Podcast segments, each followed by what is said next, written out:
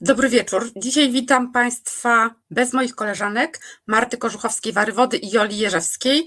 Okoliczności nie pozwoliły im na udział w dzisiejszym programie, e, jednakże e, będą ze mną dwie wyjątkowe gościnie. Jednakże zanim je przedstawię, e, powiem, że program dzisiaj realizuje Filip, a producentem jest Kuba Janowicz. Naszymi e, moimi dzisiaj e, gościniami e, będą wyjątkowe adwokatki, będące doktorami nauk prawnych, Katarzyna Gajowniczek-Pruszyńska i Agnieszka Zemkę-Górecka. Czekamy, aż się pojawią.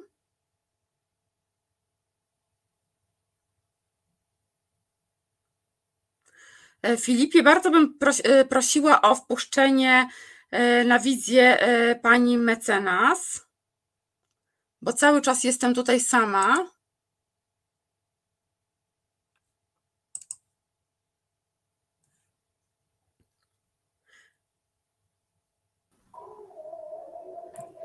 Dobry o, wieczór Państwu.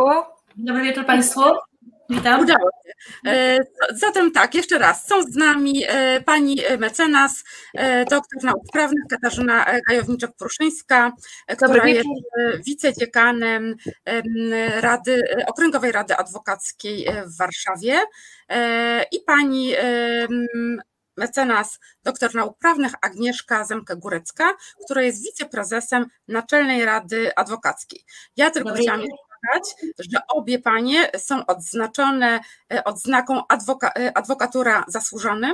E, ponadto też biorą udział w, w, różnych kampaniach społecznych. Na przykład pani mecenas Katarzyna Gajowniczek-Pruszyńska jest inicjatorką takiej corocznej nagrody Kobieta Adwokatury.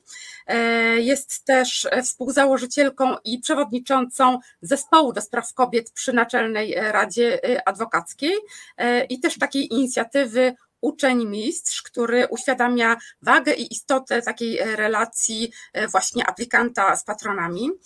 E, pani mecenas e, Agnieszka Zemka-Górecka e, z kolei jest prezesem Centrum Mediacji przy Naczelnej Radzie Adwokackiej i jest również mediatorką, prawda?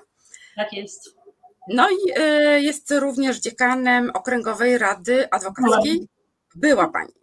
Byłaś. Przepraszam, zapomniałam, że byłam tak, na te, w tym programie. No i też e, oczywiście jesteście, publikujecie dużo, wypowiadacie się na tematy społeczne, więc mnie jest bardzo, bardzo miło e, Was dzisiaj e, gościć. Szczególnie, że tematem naszej dzisiejszej rozmowy będzie publikacja, w której ja również brałam udział, pod tytułem Wymiar sprawiedliwości w państwie prawa wyzwania pod redakcją właśnie pani e, mecenas e, Katarzyny Gajowniczek-Pruszyńskiej. E, ja byłam Pani, pani mecenas Agnieszka Dymka-Górecka była współautorką rozdziału dotyczącego mediacji, a ja byłam współautorką z Danusią, również z panią adwokat Danusią Wawrowską, rozdziału dotyczącego prawa rodzinnego. E, I tak, w pierwszej kolejności chciałam zapytać e, Ciebie, Kasiu, e, skąd w ogóle pomysł takiej publikacji? Bo, bo chciałam zaznaczyć, że ta publikacja liczy aż 11 rozdziałów i one są całkowicie różne. Niepowiązane jakby ze sobą, więc gdzie jest, gdzie jest klucz?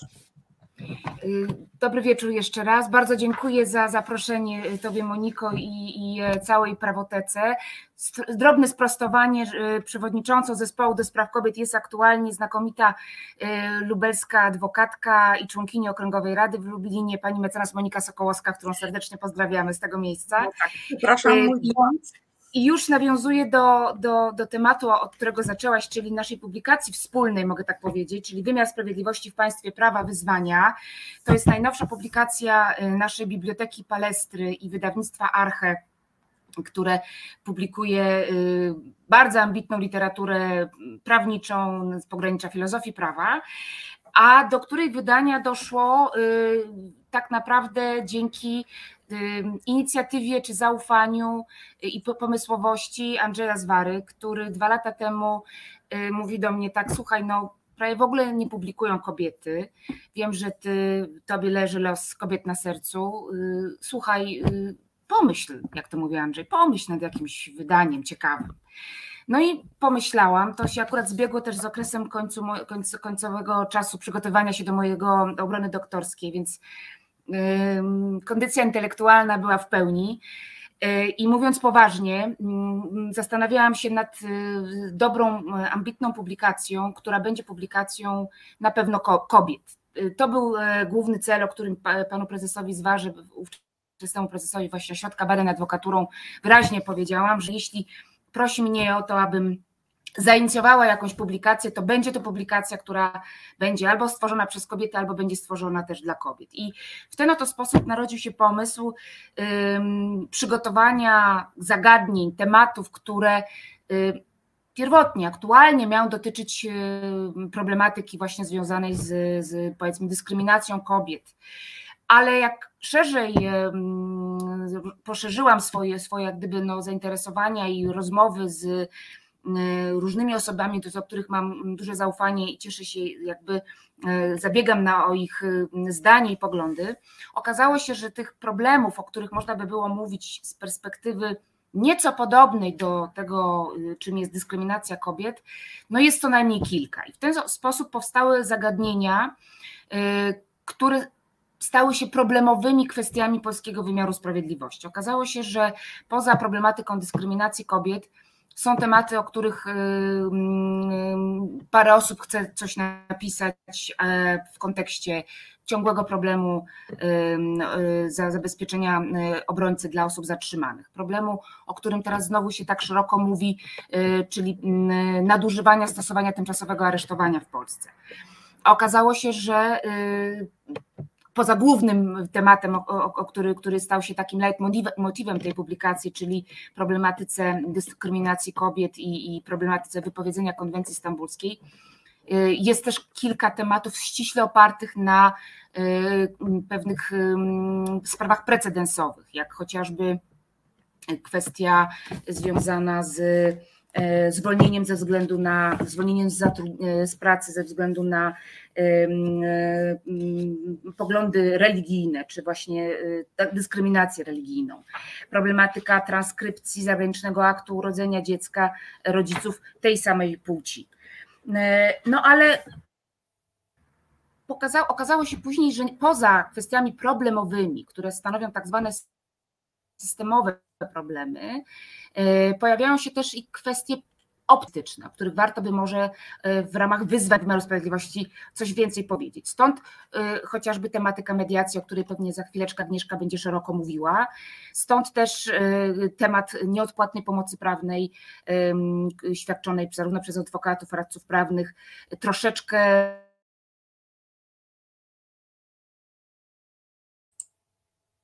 przez państwo polskie. Suma summarum zebrało się 12 rozdziałów i muszę powiedzieć, że mój cel pierwotny, jakim było przygotowanie tej publikacji z perspektywy kobiecej, został osiągnięty, bo oto spośród 26 autorek i autorów trochę nam zrywa połączenie, więc y, nie wiem, czy tylko jaka się nie wid- y, obecnie nie słyszę. Y, ja też nie słyszę, Moniko. Też nie słyszę. Mhm. Może y, poczekamy chwilkę, aż Kasia do nas wróci y, i będzie chciała dalej przekazać swoją myśl. A tutaj od razu przeczytam pytanie, dlaczego Marka Jurkiewicza, dlaczego panie nie używają feminatywów?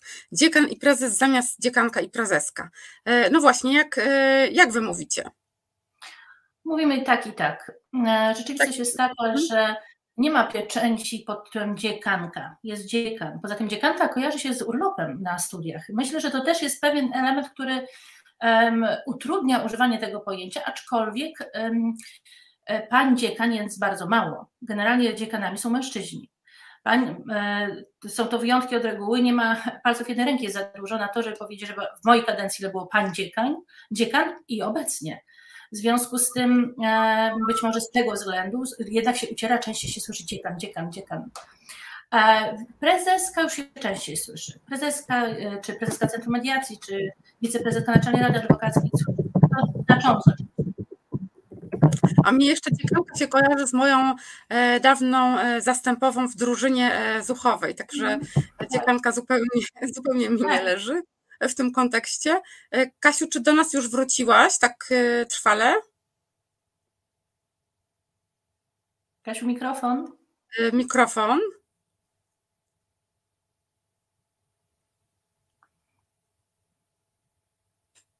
Cały czas, cały czas Kasi nie ma. W takim razie, o, a teraz? Kasiu, jakbyś mogła włączyć mikrofon. Jest e, włączony teraz... mikrofon. Dobrze, i w takim razie, jak gdybyś mogła powtórzyć to, co mówiłaś o kobietach, że cel twój został tak, osiągnięty właśnie... na 26 tak. autorów, tak? I dalej nie było cię już słychać. Na 20... Tak, przepraszam najmocniej, jakieś nagłe zerwanie połączenia, już jestem obecna, przepraszam najmocniej. Na 26 autorów, współautorów w tej publikacji jest aż 19 kobiet plus ja jako redaktor prowadząca, więc 20 kobiet.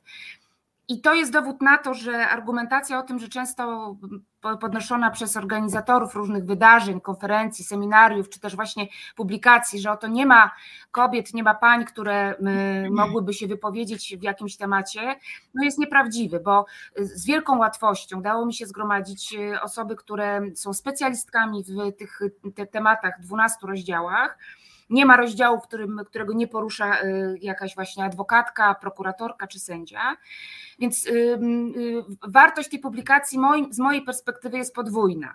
Jedna właśnie, że traktuje o niezwykle istotnych zagadnieniach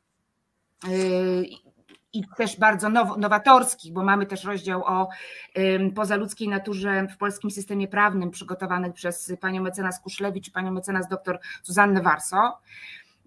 I, a z drugiej strony właśnie y, daje przestrzeń i głos właśnie dla, dla naszych koleżanek, y, których tak wiele w zawodzie prawnika jest.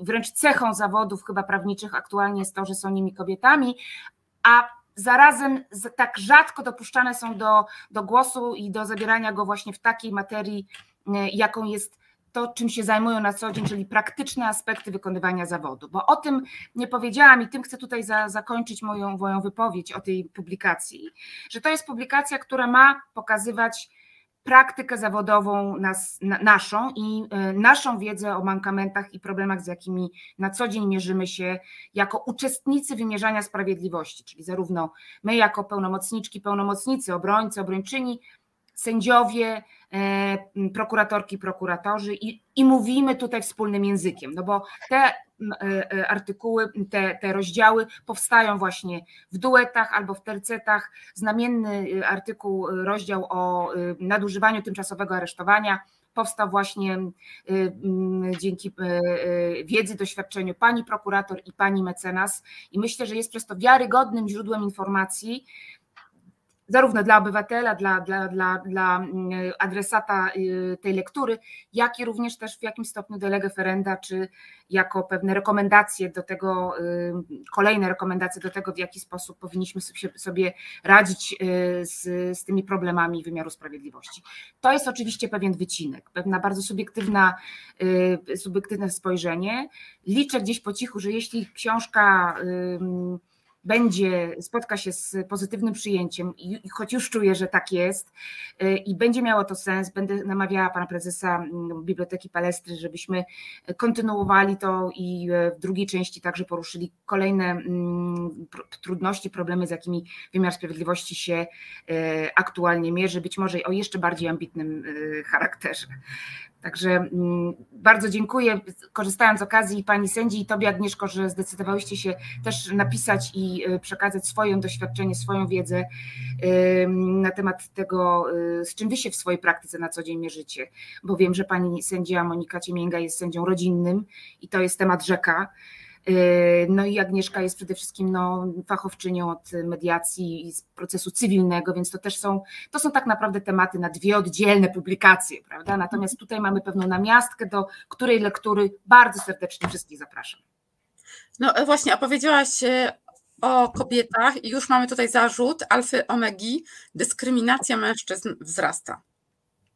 No. E, ale y, my też tutaj z takim założeniem e, występujemy w prawotece, że e, większość właśnie naszych gościń to, to kobiety. Chcemy po prostu dopuścić je do głosu, bo uważamy, że, że mężczyźni częściej ten głos zabierają, że jakby mają większą siłę przebicia, stąd, stąd też takie nasze założenie. Oczywiście nie dyskryminujemy mężczyzn, przecież e, i mężczyźni są naszymi gośćmi, ale dzisiaj jesteśmy we trzy same kobiety. Ja tutaj chciałam zwrócić uwagę na to, że oczywiście nie omówimy całej publikacji dzisiaj, dlatego że ona liczy dwa, aż 11 rozdziałów plus wstęp, a właściwie rozdział zamiast wstępu, więc musimy się po prostu na czymś, na czymś skupić.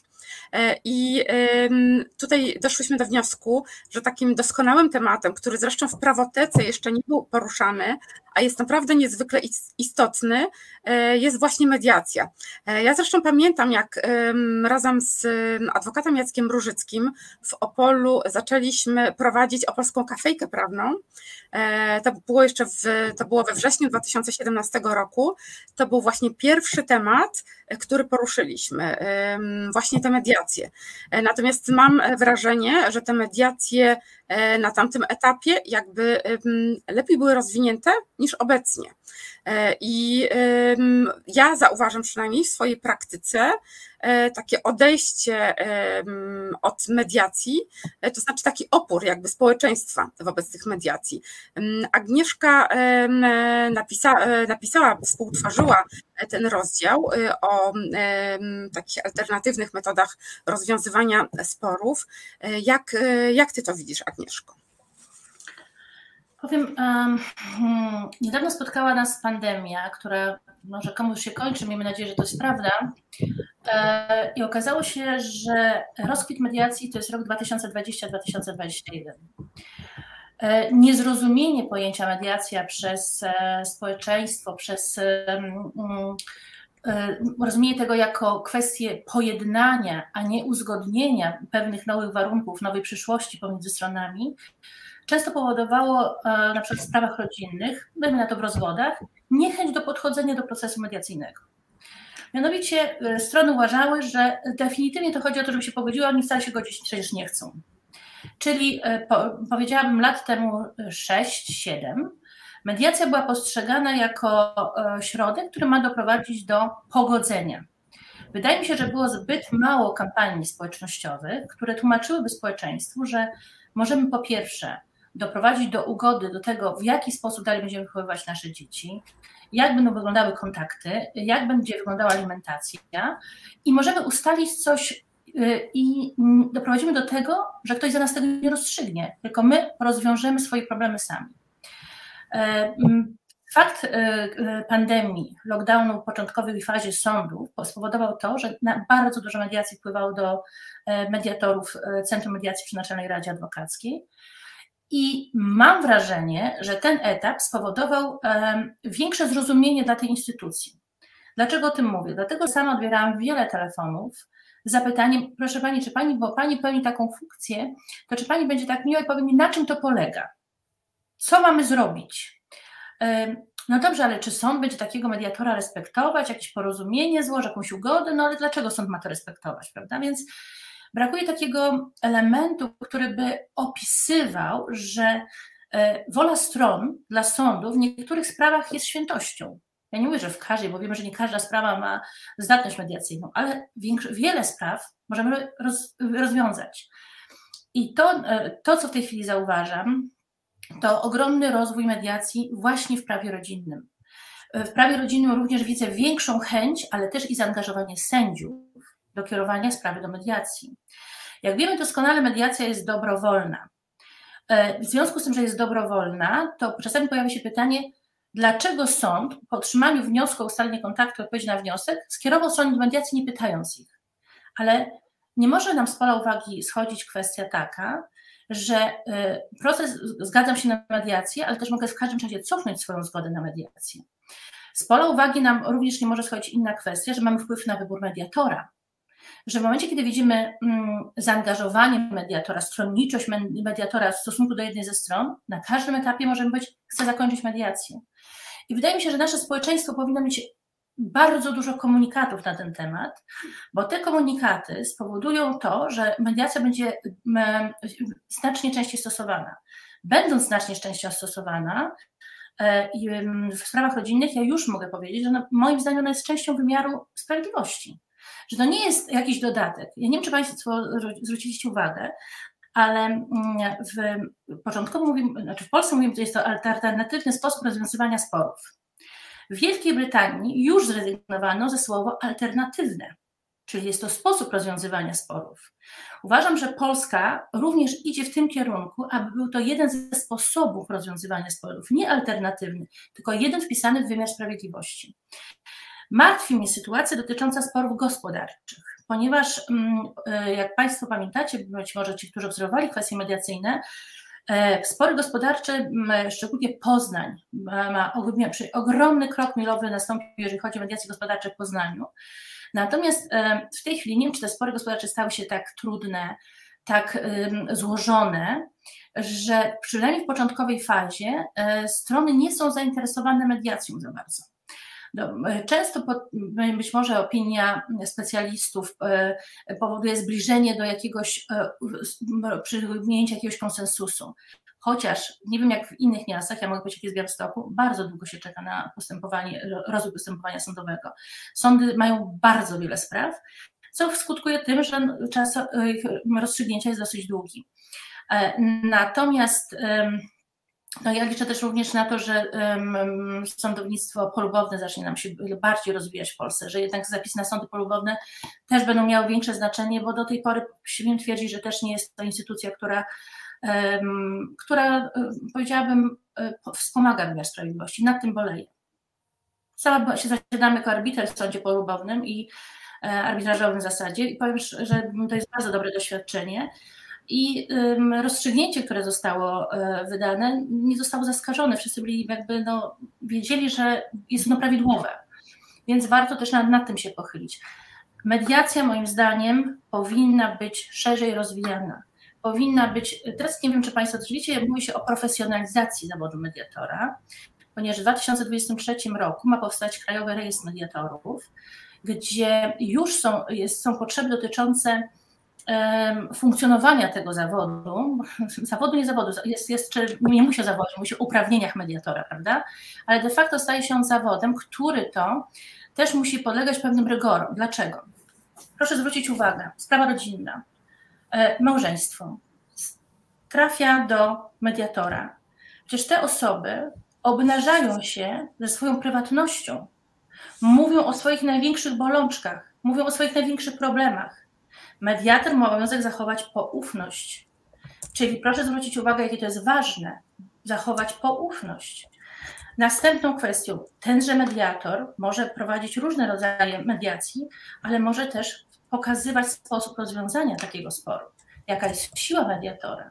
Zatem pojawia się pytanie, y, czy mówiąc o profesjonalizacji tego zawodu, nie należy mówić szerzej o etyce tego zawodu. Adwokat, który jest mediatorem, jest absolutnie e, osobą, która,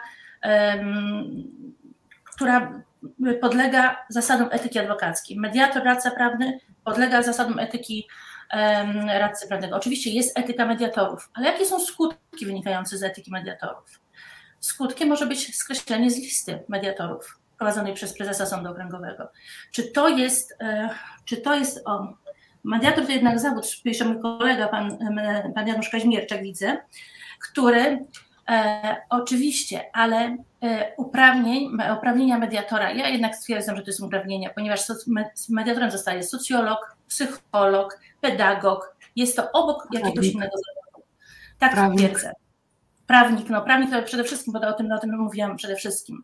Także wydaje mi się, że istnieje potrzeba silniejszej rozbudowy etyki mediatora, silniejsze być może stworzenie samorządu mediatorów. Ja nie, tego wcale nie wykluczam w przyszłości. Tak się może zdarzyć.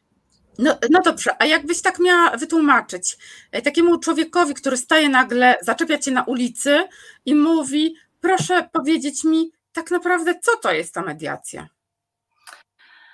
Mediacja to jest e, sposób, w jaki strony dochodzą do porozumienia bądź zawierają ugody przy udziale neutralnej osoby, która jest e, osobą bezstronną w stosunku do stron i neutralną w stosunku do tego, czym się strony mają zająć. Mediacja jest rozmową. Mediacja również jest, e, zawiera, musi zawierać sobie element słuchania, ale słuchanie w mediacji powinno być aktywne. Czasami mediator słucha, czasami zadaje odpowiednie pytania, które wprowadzają mm, pewien porządek do tego, co strony chcą osiągnąć. Proszę zwrócić uwagę, jeżeli mówimy zawsze o swoich bolączkach, o swoich problemach, wracamy do przeszłości, my nic nie budujemy.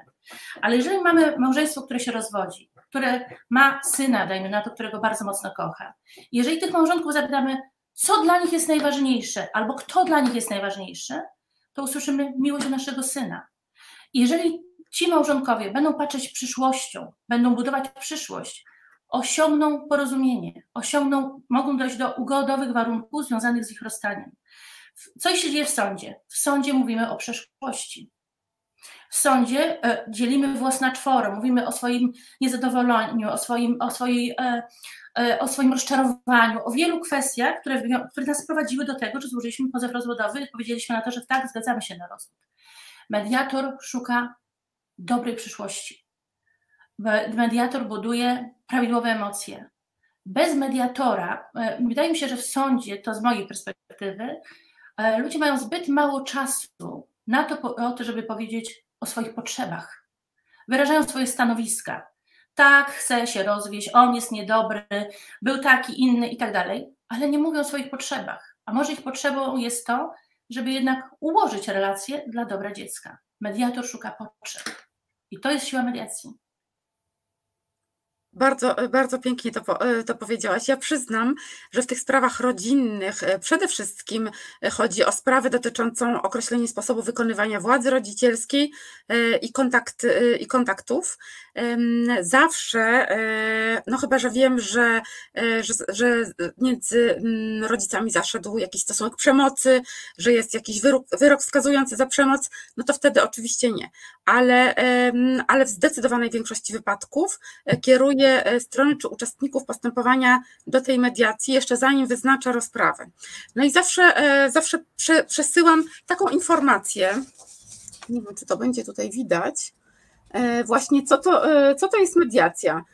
Dlatego, że taką sobie e, własną formułkę e, ułożyłam. Ona nie jest, e, ona nie jest długa, taka, że, że wszyscy ją przeczytają, bo składa się z kilku zaledwie linijek, ale właśnie mam taki odzew od mediatorów, że, że to działa, że, że strony, kiedy przeczytają taką informację, no to są mniej jakby najeżone do tej mediacji. Bo niestety, wbrew, tego, wbrew temu, co Agnieszka mówiła, z mojego doświadczenia ostatniego wynika, wynika to, że jednak e, w znacznie większej liczbie spraw e, już e, na początkowym etapie, już we wniosku jest zastrzeżenie, nie wyrażam zgody na skierowanie do mediacji.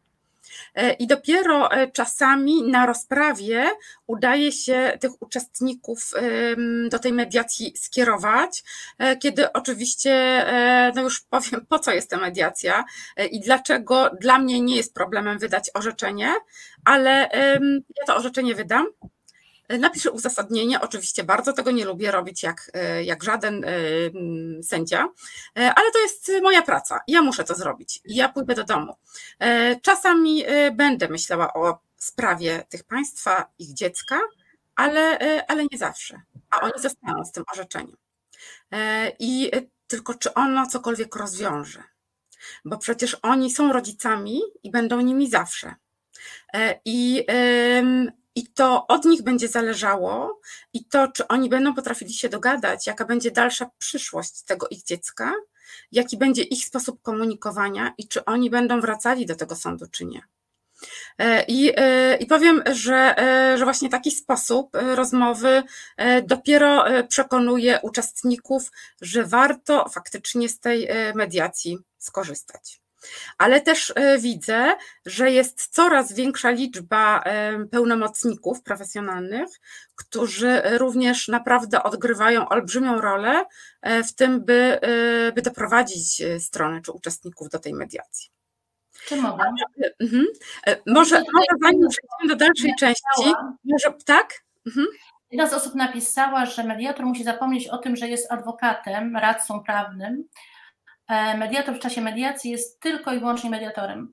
Ja się z tym zgadzam, e, w, w, powiedziałabym w dużej mierze.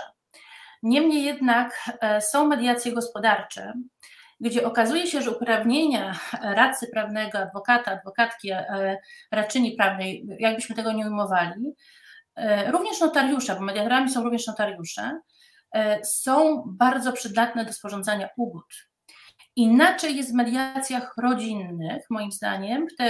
Wtedy rzeczywiście zgadzam się z panią Marzanną e, Gądek-Radwanowską. Mhm. Radwanowską, bardzo przepraszam, nie wzięłam okularów, a mam już problem z widzeniem. I z tym się zgodzę absolutnie. E, natomiast e, e, tutaj mam też jeszcze jedno słowo zdanie, to strony szukają rozwiązań, nie mediator. Myślę, że mediator, mamy również mediację ewaluatywną, która wartościuje, pokazuje pewne jednak możliwości. Więc mediator, to nie są rozwiązania mediatora. Zgadzam się, że strony szukają swojego rozwiązania, ale czasami, ja ostatnio miałam taką mediację dotyczącą tylko przez chwilę, Wiadomo, że nie, można, nie powinno się mediować sprawy dotyczącej władzy rodzicielskiej, ale była sprawa dotycząca kontaktu władzy rodzicielskiej, wszystkiego została skierowana z sądu rodzinnego w całości.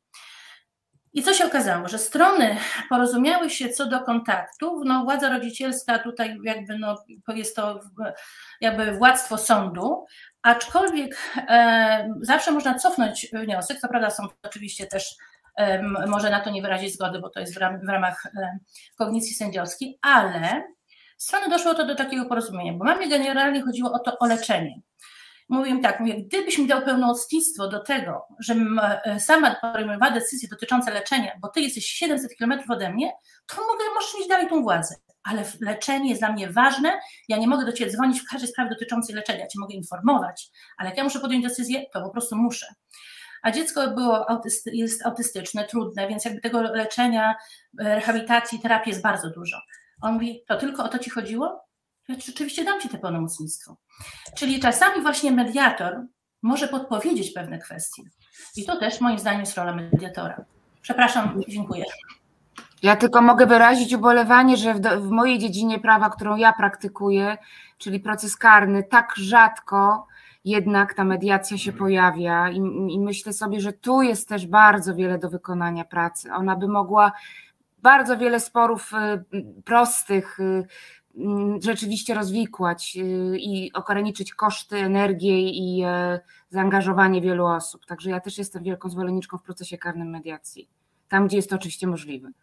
E, już nie pamiętam, ale któraś prokuratura bardzo, e, bo kiedyś to badałam, ale w tym, w tym momencie już nie e, i zapomniałam, która, która to była, ale któraś kierowała naprawdę olbrzymie liczby spraw karnych do mediacji, jeszcze przed skierowaniem jakby aktu oskarżenia. E, i to faktycznie, e, i to faktycznie dobrze, dobrze działało. Natomiast jest, jak.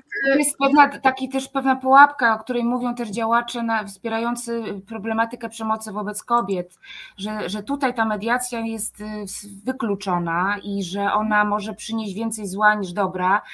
Choć ja bym dziś aktualnie z tej perspektywy, w, w której jestem i oceniam funkcjonowanie wymiaru sprawiedliwości, polemizowała z tym, dlatego że rozwiązania mediacyjne jednak y, i przede wszystkim ta szybkość procesu też czasami, o uniknięcia tej, tej, e, tego, tego eskalacji konfliktu, jednak mimo wszystko to jest wartość moim zdaniem nadrzędna. Ale to bardzo ciekawe, co mówisz o tej prokuraturze. E, nie wiem, czy to chyba niewłaściwość warszawska, to, to musiało być chyba gdzieś indziej, bo nie, nie, nie trafiłam to, na taką na gdzieś, gdzieś, gdzieś na północy to było. Może i może ale, ale, e, ale dokładnie tego nie pamiętam. Natomiast może teraz e, zrobimy przerwę, bo taki mamy zwyczaj, że mniej więcej w połowie e, spotkania puszczamy muzykę. Nie wiem, czy Filip jest e, przygotowany do tego, bo chyba w sumie tego nie ustaliliśmy. Dobrze, to w takim razie zarządzam przerwę, bo dzisiaj ja o tym decyduję. Zawsze, zawsze decyduje Jola, a dzisiaj ja. Także chwila muzyki, a potem się spotykamy. Reset Obywatelski. Medium, które tworzysz razem z nami. Komentuj, pisz i wspieraj. Witam po przerwie. Przypomnę tylko, że producentem dzisiejszego programu jest Kuba Janowicz. Tutaj e, pani Marzanna e, Gądek-Radwanowska e, napisała tak. W każdym rodzaju mediacji ugoda musi mieć odpowiednią dla przedmiotu sprawy formę i z pewnością ugoda w sprawach rodzinnych i gospodarczych różni się. No i właśnie o tym, o tym mówiła też przed chwilą Agnieszka, ale ja chciałam tylko się do, odnieść właśnie do tego, że pani Marzanna Gądek-Radwanowska, bo może nie wiecie tego, jest nauczycielką w liceum ogólnokształcącym w Kędzierzynie-Koźlu, prowadzi naprawdę na bardzo szeroką skalę edukację e, prawną młodzieży. Jest również mediatorką, e, jest e, twórczynią wraz z grupą młodzieży mediacji rówieśniczych. Także naprawdę tutaj wielkie oklaski dla, dla pani Marzanny. I dodam tylko, że pani Marzanna zawsze nas słucha w każdy poniedziałek. Pozdrawiamy Pani Marzannę. To jest bardzo ważne, bo mediacja i rówieśnicza, i mediacja szkolna, moim zdaniem, zaczyna też odgrywać coraz większe znaczenie. Ja zawsze współczuję mediatorom rówieśniczym, ponieważ i takie zasada w zasadzie to, że zawsze są jest dwóch mediatorów rówieśniczych, ponieważ jest to tak specyficzny rodzaj mediacji, tak trudny dla młodego człowieka, który, no, powiedziałabym, e, wymaga wielkich umiejętności i stawia wysokie, wysoką poprzeczkę. Z kolei mediacja szkolna, moim zdaniem, no, coraz bardziej będzie potrzebna przy, tym, przy relacjach również rodzic-nauczyciel, bo one też się zmieniają. A e, słuchajcie, co uważacie e, na temat zasady obowiązkowej mediacji? Czy to mogłoby się przyjąć, czy powinna być taka wprowadzona i w jakich e, sprawach? No Agnieszka, to jest twoja domena. Nie, Kasiu, może ty, bo ja za dużo już mówię, więc ja no poczekam z wielkim wysłuchaniem, nawet jestem ciekawa twojego zdania, Katarzyno. Czy, ja czy mogę to, ja w mojej wąskiej dziedzinie, którą jak wiecie praktykuję i ja jestem wielką zwolenniczką w procesie karnym, aczkolwiek uważam, że mediacja musi być dobrowolna, y, ale musi być zauważana.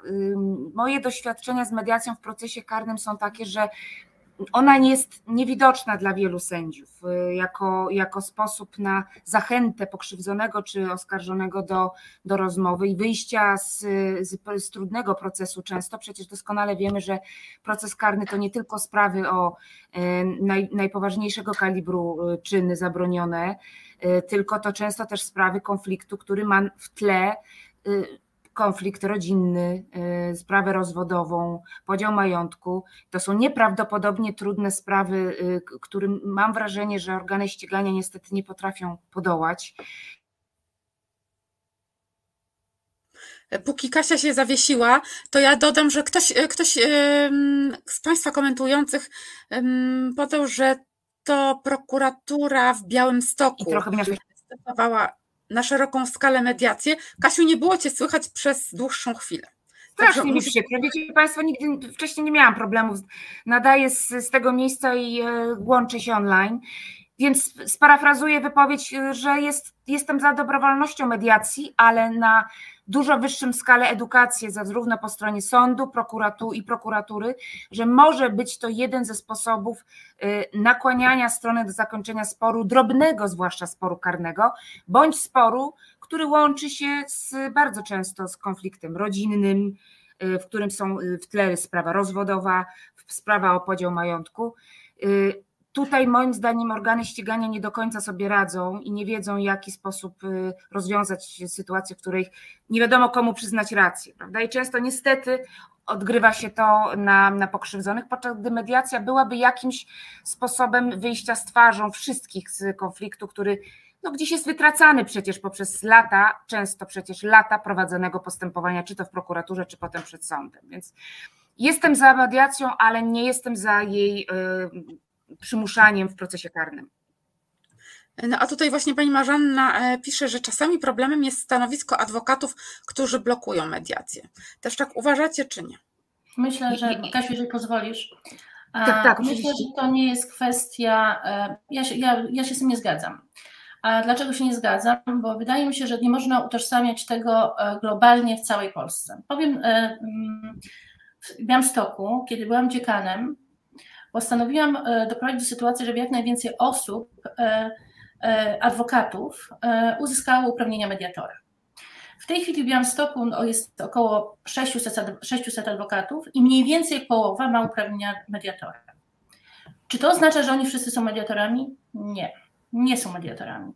Osobami, które chcą wykonywać zawód, już będziemy się trzymać słowa zawód, w takim razie mediatora, albo korzystać z uprawnień mediatora, to jest około między 60 a 30 osób, na około 300, którzy zrobili e, uprawnienia. E, ale na co się to przełożyło? Na to, że stali się e, dobrymi pełnomocnikami w mediacji. Dlaczego? Dlatego, że chyba tendencją każdego człowieka jest to, że boi się rzeczy mu nieznanych. Traktuje je nieprzychylnie. Tymczasem w Białymstoku, po pierwsze, w wielu mediacjach e, adwokaci po pierwsze zgadzają się na nią. Jest może, nie wiem, 10% adwokatów, która niechętna jest mediacji namawia strony, żeby nie chciały brać udziału w mediacji. Tak jest, ale to jest 10%. Reszta poddaje się do procesu mediacyjnego, a przy niektórych nazwiskach mediatorów nawet e, ustalenia idą, e, szczególnie w sprawach rodzinnych, w ten sposób, że może jednak niech są, strony same uczestniczą w mediacji, tak żeby nie tworzyć, nie pozycjonować stron między, przeciwko sobie, żeby strony łatwiej mogły powiedzieć o swoich potrzebach z mediatorem. I rzeczywiście to się sprawdza. Więc mediat, adwokat, który ma uprawnienia mediatora, moim zdaniem, ten, który wie, na czym polega mediacja, ten, bo też można powiedzieć, to nie jest tak, że środowisko mediatorów jest takie czyste i takie ładne. Nie, nie. Ja ostatnio zetknęłam się w Warszawie i teraz, też zamierzam zrobić z tego dalszy ciąg, e, z panią mediator, która podaje nieprawidłowe stawki w mediacji sądowej. W momencie, kiedy ja zwracam jej uwagę, że chyba się pomyliła podając stawki, ona mówi, nie, nie, u niej obowiązują takie, a oni takie mogą obowiązywać, jak prowadzi mediację umowną, bo się na taką tą stawkę umówiła, mediacji sądowej jest inaczej. Więc są osoby takie, które kolokwialnie mówiąc, psują rynek. E, I e, później okazało się, bo do tej mediacji doszło, e, jak widziałam, jak była narzucana wola pani mediator do tego, żeby koniecznie podpisać ugodę, jak pisane były wnioski w ugodzie, którą moja klientka otrzymała, którą oczywiście żeśmy jakby, pani moja powiedziała klientka, że zmieniam mediatora, bo ona chce zmediować tą sprawę, ona jest do zmediowania, ale nie siłowo, nie w sprawie rodzinnej, która dotyczy trzech elementów w, w półtorej godziny, to jest niemożliwe. Chyba, że strony już przyjdą od razu jakby gotowe do tego, że chcą koniecznie coś ustalić, a nie wtedy, kiedy dzieli ich przepaść, bo to jest niemożliwe. Dlatego też e, e, jak w każdym zawodzie spotykamy się z profesjonalizmem, a jak w każdym zawodzie spotykamy się z osobami, które e, nie potrafią tego robić i szkodzą mediacji. To ja chciałam e, potwierdzić jako sędzia. Pani Januszu, swoboda umów do, jest wtedy, kiedy mediacja jest pozasądowa. Sądowa mediacja ma swoje stawki. Przepraszam, musiałam odpowiedzieć. Okej. Okay. Ja tylko chcę powiedzieć, że potwierdzam to, co mówisz, Agnieszko. E, jako sędzia widzę, że coraz więcej pełnomocników ma uprawnienia właśnie mediatora e, i coraz poważniej podchodzi do tej mediacji. Samodzielnie nakłaniają strony do tego, by się tej mediacji poddać i czynnie uczestniczą właśnie e, w zawiązywaniu tego e, porozumienia. I również oczywiście są adwokaci, którzy namawiają strony do tego, żeby absolutnie tej mediacji się nie poddać. Czasami jest tak, że strona przychodzi sama, bez pełnomocnika i na moje pytanie, czemu nie chciała się poddać tej mediacji, bo przecież te terminy naprawdę rozpraw są bardzo odległe. E, ja obecnie w sprawach rodzinnym, rodzinnych wyznaczam terminy już na czerwiec. To są naprawdę bardzo odległe terminy. One nie powinny być e, takie, takie dalekie. I pytam, to dlaczego pani nie chciała pójść do mediacji? No i pani mówi, no bo poszłam do radcy prawnego i on mi powiedział, że to wszystko tylko przedłuży. Ja mówię, no a mogła sprawa być już e, zakończona, prawda? E, natomiast, natomiast coraz właśnie, coraz mam lepsze doświadczenia z pełnomocnikami i potwierdzam to, co, to, co powiedziałaś ale chciałabym, żebyście też odpowiedziały na pytanie właśnie pani Marzanny ponownie. Ja bym chciała usłyszeć. Bardzo interesujące pytanie z mm. pogranicza etyki zawodów. Tak, jak powinien zachować się mediator, który w trakcie mediacji w sprawie karnej uzyska podejrzenie o popełnieniu przestępstwa? Ja y, muszę powiedzieć, że odpowiem na to pytanie poprzez y, nawiązanie do problematyki, z jaką mierzyłby się także i powiedzmy adwokat czy radca prawny.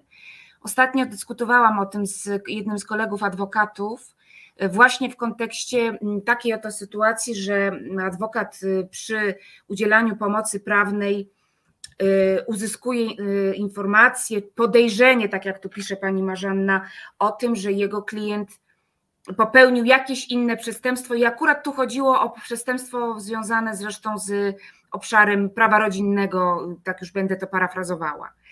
I długo żeśmy na ten temat rozmawiali, wyszliśmy jednak z pewnego założenia, y, które być może będzie jakimś, jakąś podpowiedzią do udzielenia odpowiedzi na pytanie pani Marzanny, że w przypadku adwokata mm, i w sytuacji, w której to podejrzenie nie dotyczy przestępstwa, naruszenia czy zagrożenia życia i zdrowia, czyli tego najpoważniejszego kalibru, to nie jest to y, obowiązek, y, aby taki adwokat mm, de facto donosił, brzydko mówiąc, a tak naprawdę zgłaszał zawiadomienie na temat rzekomego podejrzenia popełnienia przestępstwa przez jego klienta.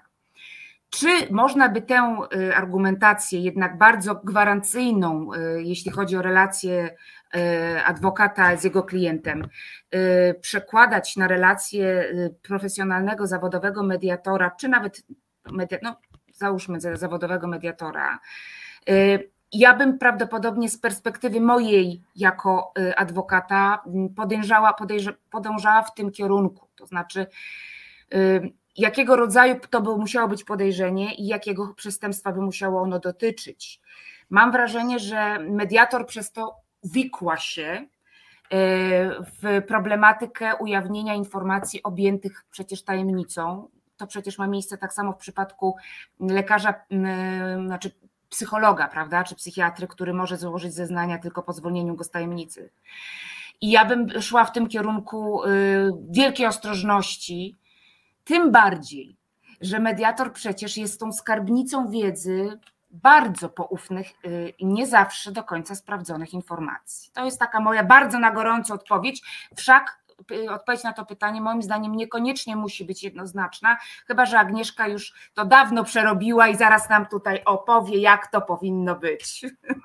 Nie, nie, to wcale nie jest takie proste. Jak nawet widzimy czat, to też e, jest tu taki piękny postulat o tym, że czy da się to wszystko sformalizować? Myślę, że to jest bardzo, bardzo trudne, szczególnie w, w przypadku, kiedy mówimy e, o kwestiach związanych, e, no, poufność i tajemnica to nie jest do końca to samo. Ale mimo wszystko wydaje mi się, że byłby to gwóźdź do trumny dla mediacji. Tutaj pan Kaźmierczak też powołuje się na 240 chyba KK, to też warto też na niego zwrócić uwagę. Powiem tak, e, czy da się to wszystko tak sformalizować? To trudne. To trudne, bo adwokaci też czasami stoją przed wyborami różnymi. Ale Agnieszka, myślę. Nie odpowiedziałaś jeszcze na pytanie, czy uważasz, że mediacja powinna w niektórych i w których ewentualnie sprawach być y, obowiązkowa, zanim trafi do sądu? Ja jestem e, przeciwniczką obligatoryjnej mediacji. E, wydaje mi się, że mediacja e, wtedy, kiedy jest dobrowolna, wtedy, kiedy ludzie mają swobodę w podejmowaniu własnej decyzji, nikt nie narzuca im.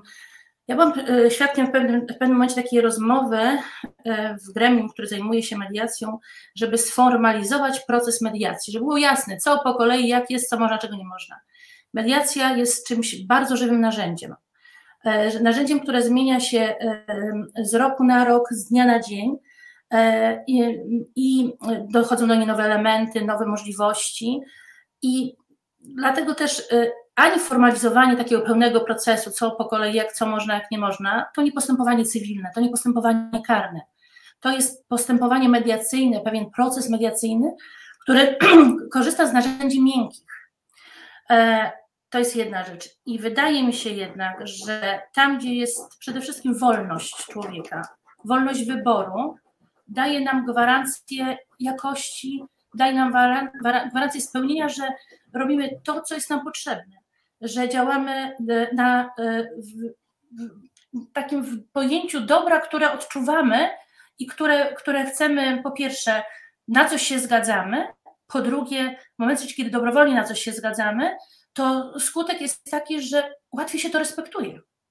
Natomiast jeżeli ktoś będzie nam coś narzucać, będzie mówił, że to jest obligatoryjne, to może w kilku przypadkach e, dzięki mm, profesjonalizmowi mediatora, e, zachęceniu do mediacji, e, może strony pomyślą, a może jednak spróbujmy, bo, bo, bo, no bo, bo, bo kazano nam. Aczkolwiek muszę też powiedzieć, że spotykam się czasami z sytuacjami, które mnie bardzo śmieszą.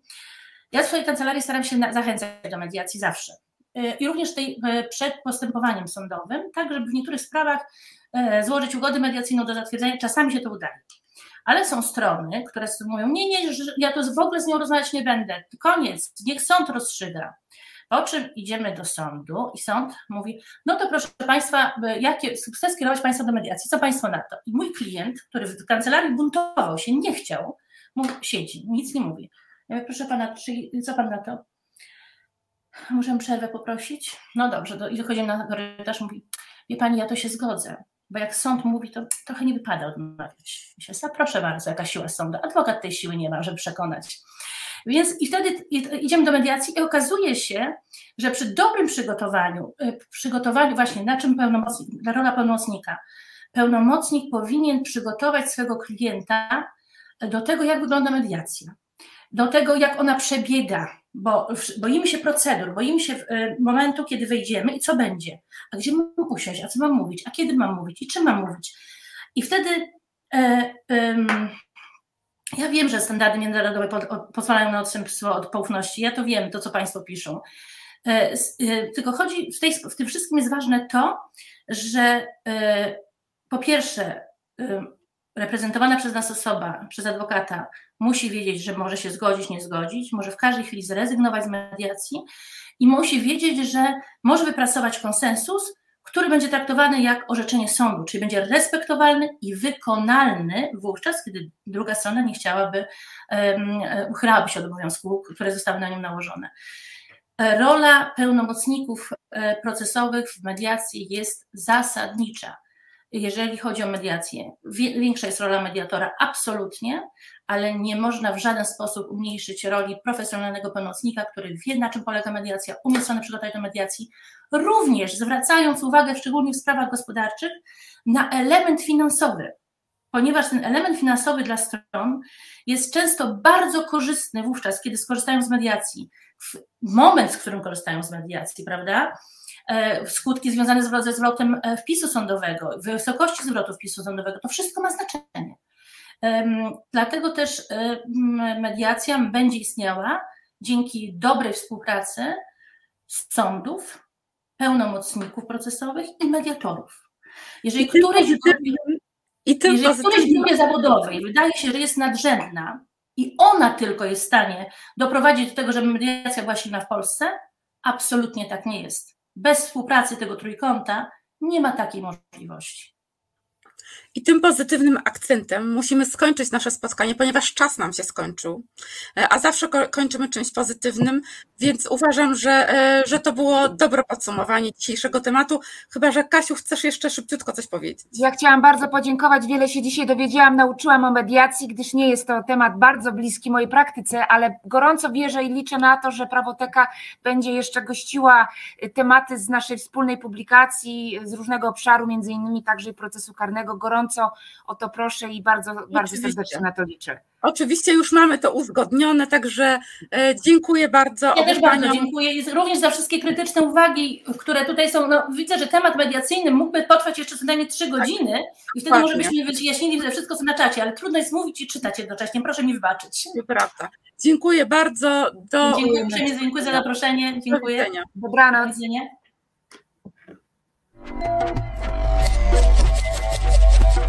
Reset Obywatelski.